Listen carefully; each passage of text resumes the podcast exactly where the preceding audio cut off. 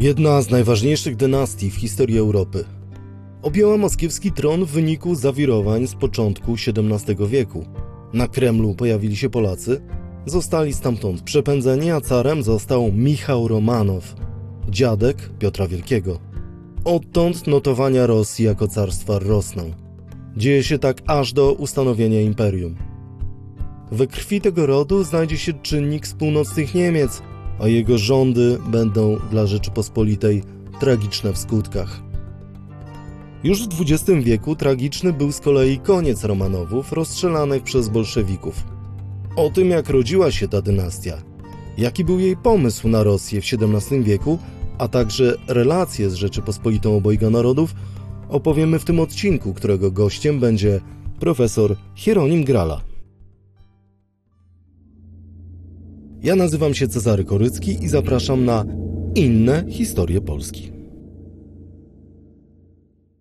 W poprzednim odcinku mówiliśmy o czasach Wielkiej Smuty, o czasach e, schyłkowego Iwana Groźnego, tego w jakim stanie pozostawił swoje państwo, ale także o prawdzie, o wielkiej awanturze na Kremlu, którą dziś bardzo opacznie rozumiemy, jeśli chodzi o rozumienie historii Polski.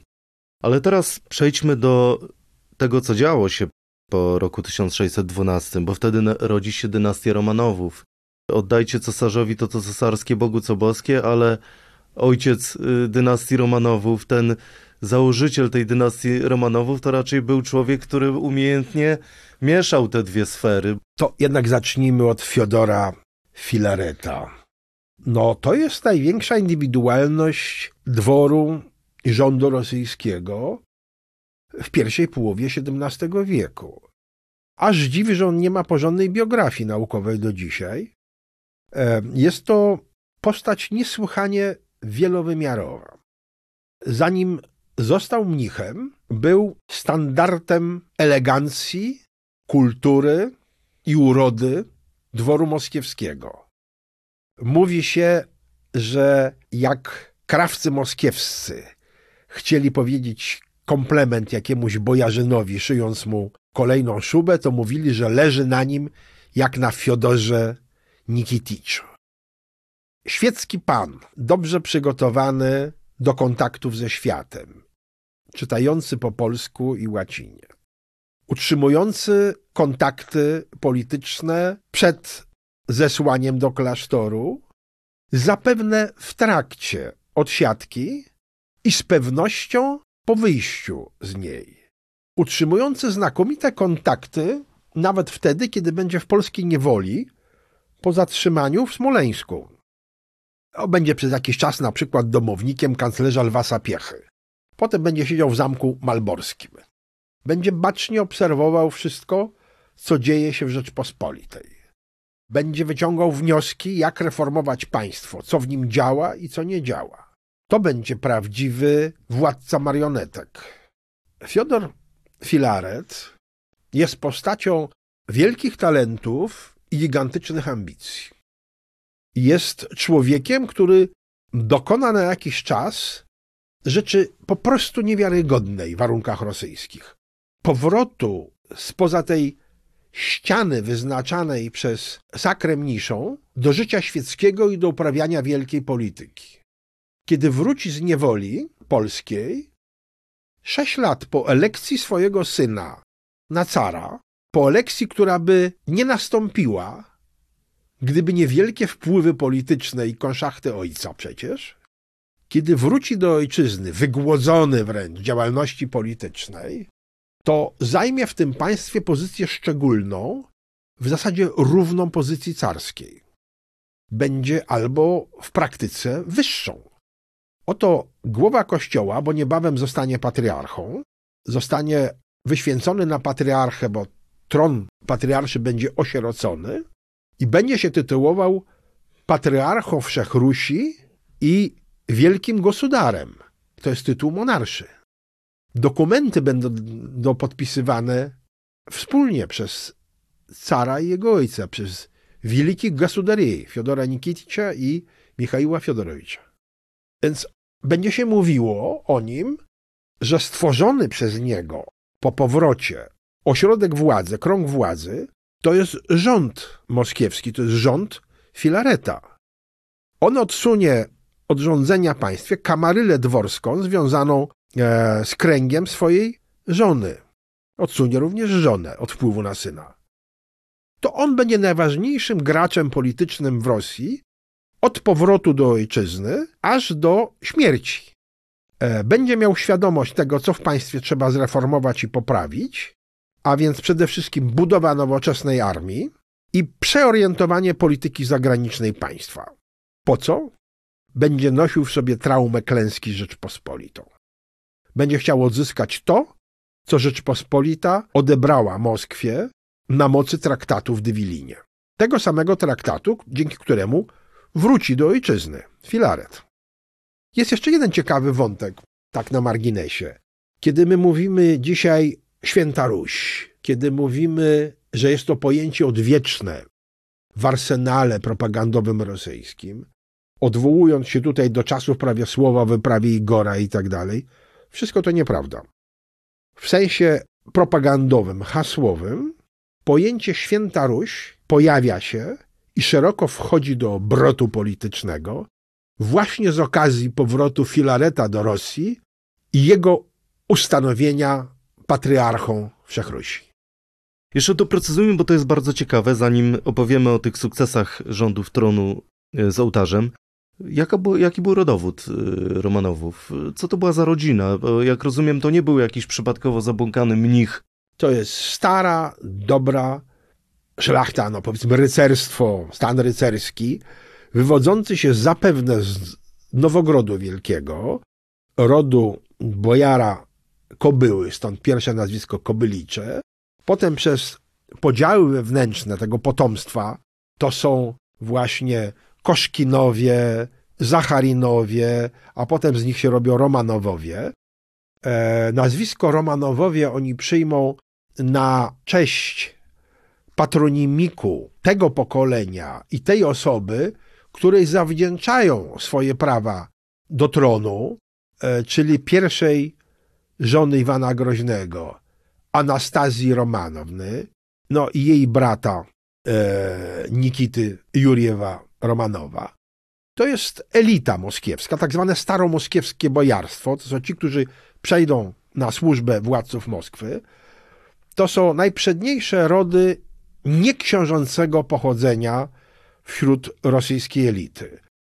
To jest wspólny ród, bo to jest bardzo rozrodzone to pokolenie e, właśnie tych potomków kobyły, z Szeremietiewami na przykład, ale także, o czym się zapomina, z robiącymi później karierę w Rzeczypospolitej, emigrantami z Moskwy, lackimi, to Kasztelan Wileński, albo pisarz wielki litewski, Teodor Lacki, bohater bitwy pod Kirchholmem, ten, który jako ostatni wykonuje to ostatnie uderzenie chorągwi husarskiej, e, łamiące eskortę Karola Sudermańskiego i tak dalej, i tak dalej. To są bardzo malownicza rodzina w Rzeczypospolitej. To jest o tyle ciekawe, że oni w przyszłości przez ten nowogrodzki wątek będą tłumaczyli, że oni przyjechali z Prus, co ma podwójne znaczenie, bo z Prus podobno wywodzi się praszczur e, dynastii carskiej linii ostatniej moskiewskich Rurykowiczów, bo to są potomkowie Oktawiana Augusta, a raczej jego brata Prusa. No więc tu jeszcze też jest dodatkowy wątek łączący Romanowów z Rurykowiczami i tak dalej. Bo to jest przednia szlachta, to jest po prostu elita moskiewska, rdzennie rosyjska, w przeciwieństwie do właśnie rozlicznych rodów książęcych z dumy bojarskiej, pochodzenia litewskiego, a z czasem także rozlicznych odprysków rodu Dżingis Hana, bo tacy tam też się będą pojawiać. W związku z czym to są panowie z panów. A od momentu małżeństwa Anastazji z e, Iwanem Groźnym, to jest jeszcze najbardziej udane małżeństwo Iwana i co więcej małżeństwo, no, które da mu następców, no i które jakby wydłuży o jedno pokolenie właśnie tą linię Rurykowiczów moskiewskich. No więc są to koligaci dynastii, która odeszła. Jakby tym blaskiem powiązań bezpośrednich ze świętym domem potomków Aleksandra Lewskiego nadzieleni. no, znakomita dynastia, jak na warunki rosyjskie.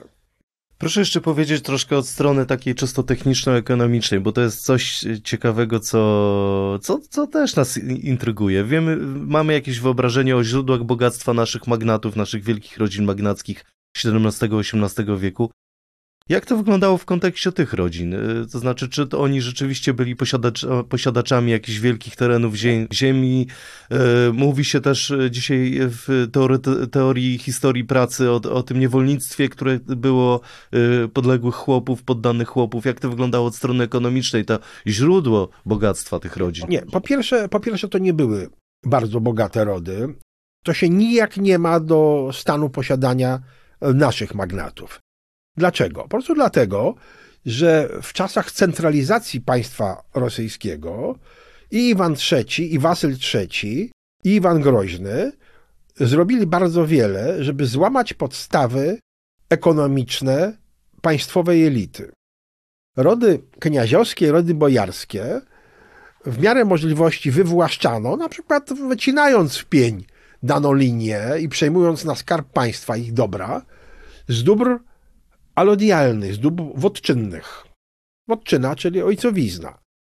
Prosperita elity moskiewskiej będzie odtąd zależeć od kaprysu carskiego, od dóbr nadawanych czasowo, od dóbr beneficjalnych, od pomiestii. Powstanie systemu pomiestnego całkowicie zmienia kwestię uposażenia elity rosyjskiej. I na owym etapie to nie są wielkie posiadłości. E, my mamy zachowane na przykład testamenty kniaziów i bojarów. To to, co oni w skarbczyku mają, w biżuterii, ko kosztownościach i tak dalej, no to może być porównywalne z jakimś tam magnatem siedzącym gdzieś tam na Pomorzu czy na Kujawach, ale to jest po prostu w żaden sposób nieporównywalne z jakimiś wiśniewieckimi, z baraskimi, ostrogskimi i tak dalej. No. To, to zupełnie jest nie to. Romanowie w owym okresie własnych wielkich dóbr nie posiadają. Oni zaczną się, znaczy ród zacznie się dorabiać siedząc na Kremlu po prostu. Przez nich zaczną dorabiać ich kuzyni. Na początku, przed powrotem Filareta, kuzyni jego dawnej żony, przecież też już mniszki wtedy, czyli Sautykowowie. No a potem cały ten krąg rodzinny właśnie Szeremietiewów i tak dalej. To nie zawsze zresztą będzie bardzo rasowa szlachta, bo proszę pamiętać, że Romanowowie przez dłuższy czas będą się żenić z poddanymi. To jest kwestia niemożności znalezienia prawosławnej pary dla władców moskiewskich. I na przykład jak jeden z carów ożeni się z przedstawicielką dosyć kiepskiej szlachty, no takiej średniej, no, no poniżej średniej, Streszniewów, to co zrobią Streszniewowie, żeby podbudować swoją pozycję? Zaczną mianowicie wywozić, że oni są starą, dobrą polską szlachtą, która dobrowolnie przyjechała do Moskwy na służbę i zaczną posługiwać się polskimi herbarzami, żeby dowodzić, że oni tak naprawdę to nie są Streszniewowie, tylko Strzeszewscy. Cudne historie. A polski szlachcic, to wiadomo, to jest coś poważnego. Także majątek był taki sobie, ale zacznie rosnąć w szybkim tempie. Będzie sprzyjać rośnięciu tych majątków nowa rzeczywistość. Po pierwsze, kolonizacja Syberii. Kolonizacja Syberii, którą my traktujemy jako działalność państwową, w istocie rzeczy pod wieloma względami przypomina prywatne przedsięwzięcia, które doprowadziły do podbojów e, Pizarra i Corteza. Na początku będą osoby prywatne inwestujące w to. Najpierw Stroganowowie, potem nie tylko. Ale bardziej nawet niż, bo to nie chodzi o jakieś tam wykrojenie sobie posiadłości ziemskich, nie. Uzyskanie stanowisk administracyjnych tam. Ponieważ za Uralem otwiera się oto perspektywa gigantycznych fortun. Tak zwane puszyste złoto, futra my zapominamy, że to właśnie w momentach największych katastrof militarnych, politycznych i ekonomicznych futra z Syberii przez 100 lat będą ratować budżet państwa moskiewskiego.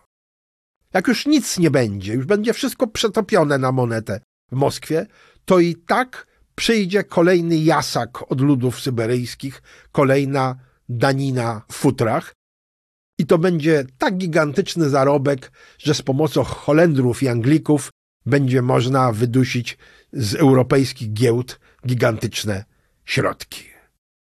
Także mm, e, stanowiska w tej administracji rozdawane przedstawicielom arystokracji będą źródłem ich dochodów. Oni będą tezauryzować środki e, u siebie. Tak naprawdę wzrost posiadłości ziemskich, e, wielkie, a przynajmniej znaczące dobra ziemskie arystokracji rosyjskiej, to tak naprawdę dopiero wiek XVIII. Bowiem wszystko, co będą mieli do czasów Piotrowych, poza nielicznymi wyjątkami, będzie zależne od kaprysu carskiego. To będą dobra udzielone ze skarbu państwa i dochody czerpane ze stanowisk w administracji państwowej, przede wszystkim stanowisk wojewodzińskich, gdzieś tam właśnie na Syberii. W tej naszej bardzo ciekawej rozmowie, gdzieś między wierszami, przyznam się, że zauważam ten fakt związany z tym, że Carstwo Moskiewskie miało pewien kompleks Rzeczypospolitej. No, wie pan, musiało mieć. Jeżeli Filaret po powrocie z niewoli przebudowuje państwo i buduje armię, którą usiłuje, bo zamierzał u schyłku swojego żywota zaangażować się w wojnę z Rzeczypospolitą, tak naprawdę w ramach tego wielkiego konfliktu europejskiego, jakim była wojna trzydziestoletnia. Niedarmo akademik Porszniew wojnę smoleńską nazywa udziałem Rosji w wojnie trzydziestoletniej. E, przecież Moskwa prowadzi rokowania w owym czasie za Szwecją, czyli naszym głównym wrogiem, z Francją, czyli głównym mocodawcą i sojusznikiem w Szwecji i Porto Otomańską, z którą zaczynają się komplikacje e, coraz większe na naszych południowo-wschodnich rubieżach. Proszę pamiętać, że kiedy wojska moskiewskie, już stworzone na wzór zachodni, armia nowego wzoru, wychowana przez Filareta, dowodzona przez najemników, przez Horna, Matisona i tym podobnych, rusza na Smoleńsk i kiedy deblokować. Oblężenie Smoleńska będzie polska armia pod królem Władysławem, onże car elekt Władysław Zygmuntowicz, to na przykład pod Smoleńsk nie pójdą polskie pułki z Ukrainy pod hetmanem koniec polskim, bo one będą chronić państwo od inkursji turecko-tatarskiej, od spodziewanego uderzenia bazy Paszy, które nastąpi rok później. W związku z czym, jak widać, Moskwa wchodzi do dużej polityki europejskiej z przesłaniem politycznym jednoznacznym odebrać Rzeczypospolitej utracone obszary. Filaret nad tym pracuje. Kompleks jest wielki. Najpierw budowali Smoleńsk przeciwko Rzeczypospolitej, no i to wielko twierdzę stracili, teraz muszą sami ją zdobywać. Utracili ogromne obszary, bo Czernichowszczyznę, Siewierszczyznę i Smoleńszczyznę. Są słabsi, mają tego świadomość. No więc kompleks jest. Wojna smoleńska nie poprawi im samopoczucia, ponieważ wojna smoleńska zakończy się kolejnymi batami, kapitulacją armii Szejna pod Smoleńskiem. To zresztą jest wątek smakowity i odrębny. No ale efektem tego jest pokój wieczysty.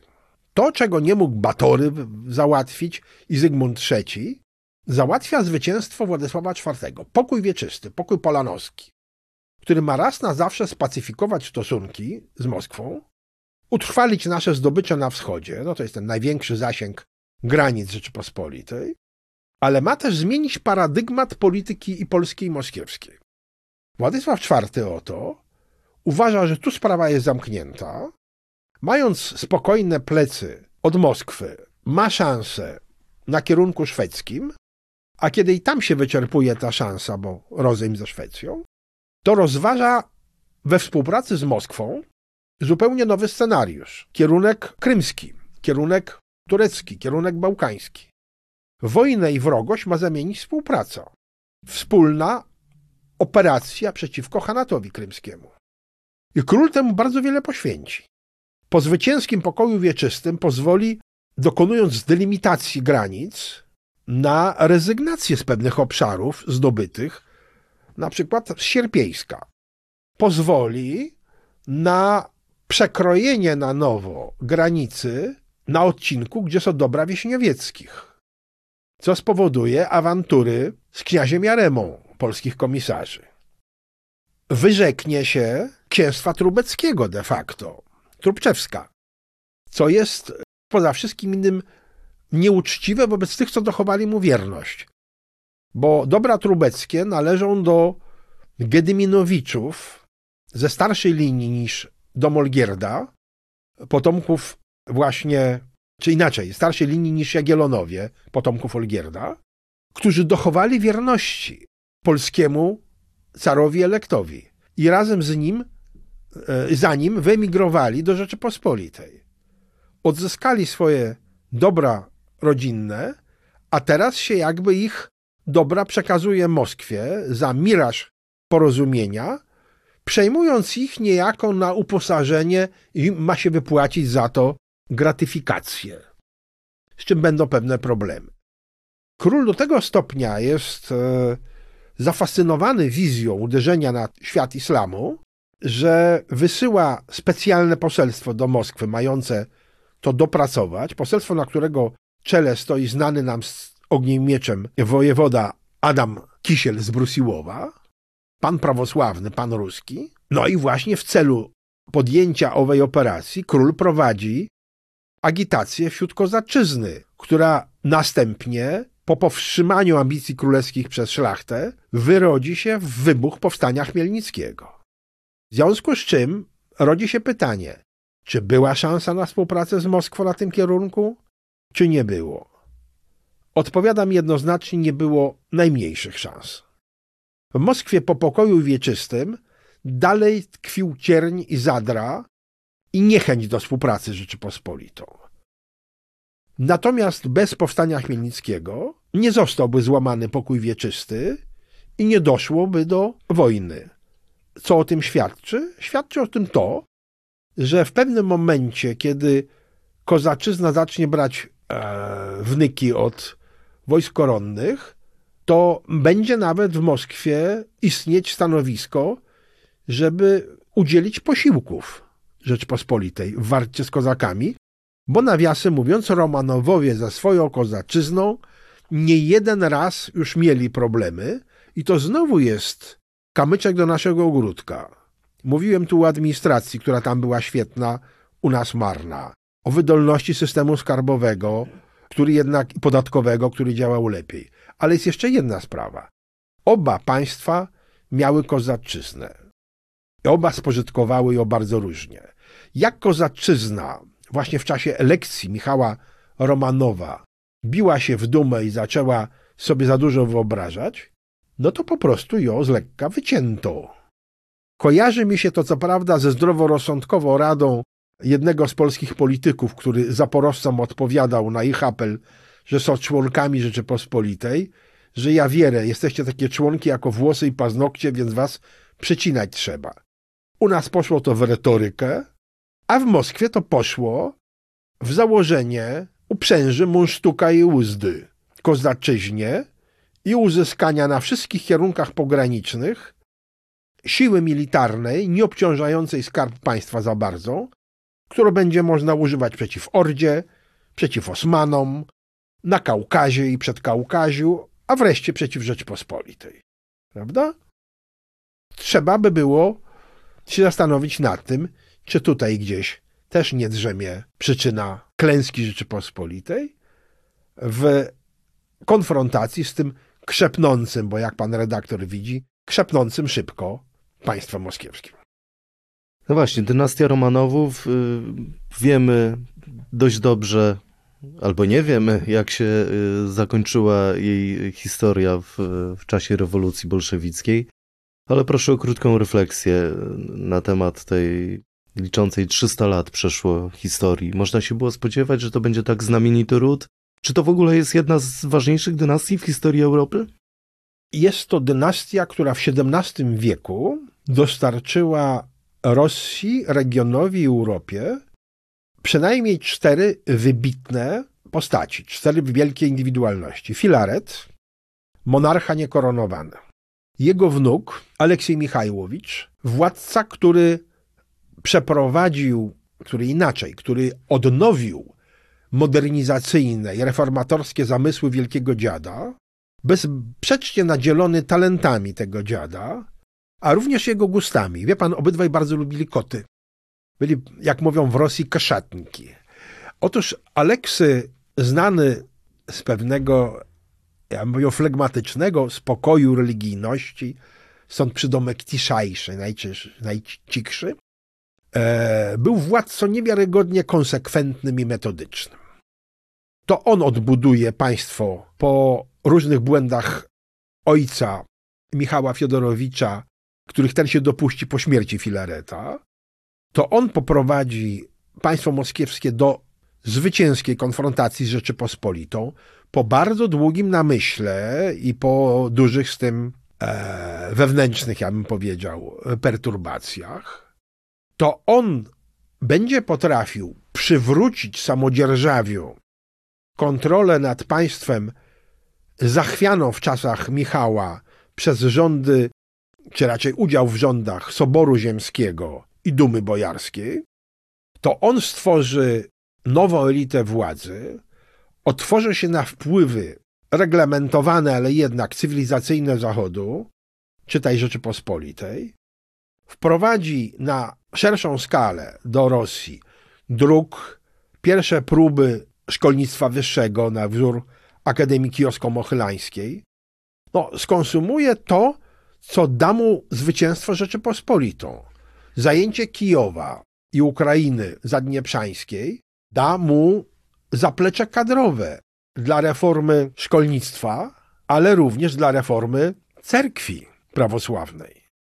Nie cofnie się przed reformą cerkwi. Tutaj jedyną osobą, który przez jakiś czas będzie ulegał, będzie potężna osobistość, jako jest patriarcha Nikon. I tutaj najpierw Aleksy się zaangażuje w wsparcie jego reform, unowocześnienie struktury cerkwi, liturgii, oczyszczenie cerkwi rosyjskiej z nalotu folklorystycznego, żeby przywrócić jej rzeczywiście, ja bym powiedział, ten charakter kanoniczny i ortodoksyjny, ale kiedy Nikon zacznie być uciążliwy i przypomniawszy sobie zwycięstwa i przewagi Filareta, będzie chciał być drugim Filaretem, to car inaczej niż jego ojciec powie, nie, nie, świętobliwemu ojcu już dziękujemy i najpierw wyślę go do klasztoru. Potem nastąpi złożenie z urzędu. Aleksy wykona wiele bardzo ważnych działań politycznych. Przy nim będzie kontynuowana ta inwazja, czy raczej kolonizacja Syberii. Przy nim Rosjanie dojdą prawie, praktycznie do Usurii Amuru. Przy nim zostanie opanowany cały ten północny brzeg Syberii i tak dalej. To po prostu są wielkie osiągnięcia. Przy tym wszystkim, chociaż mamy wszelkie powody za carem nie przepadać, no bo zwyciężył w tych zmaganiach o Ukrainę, to w istocie rzeczy, poza okresami wojen, był zwolennik współpracy Rzeczypospolitą. Mało tego, następuje pewne odwrócenie sytuacji. Teraz to car rosyjski w pewnym momencie będzie uważał, że Rzeczpospolita jest naturalnym sojusznikiem Rosji. Wspólny wróg to Szwecja.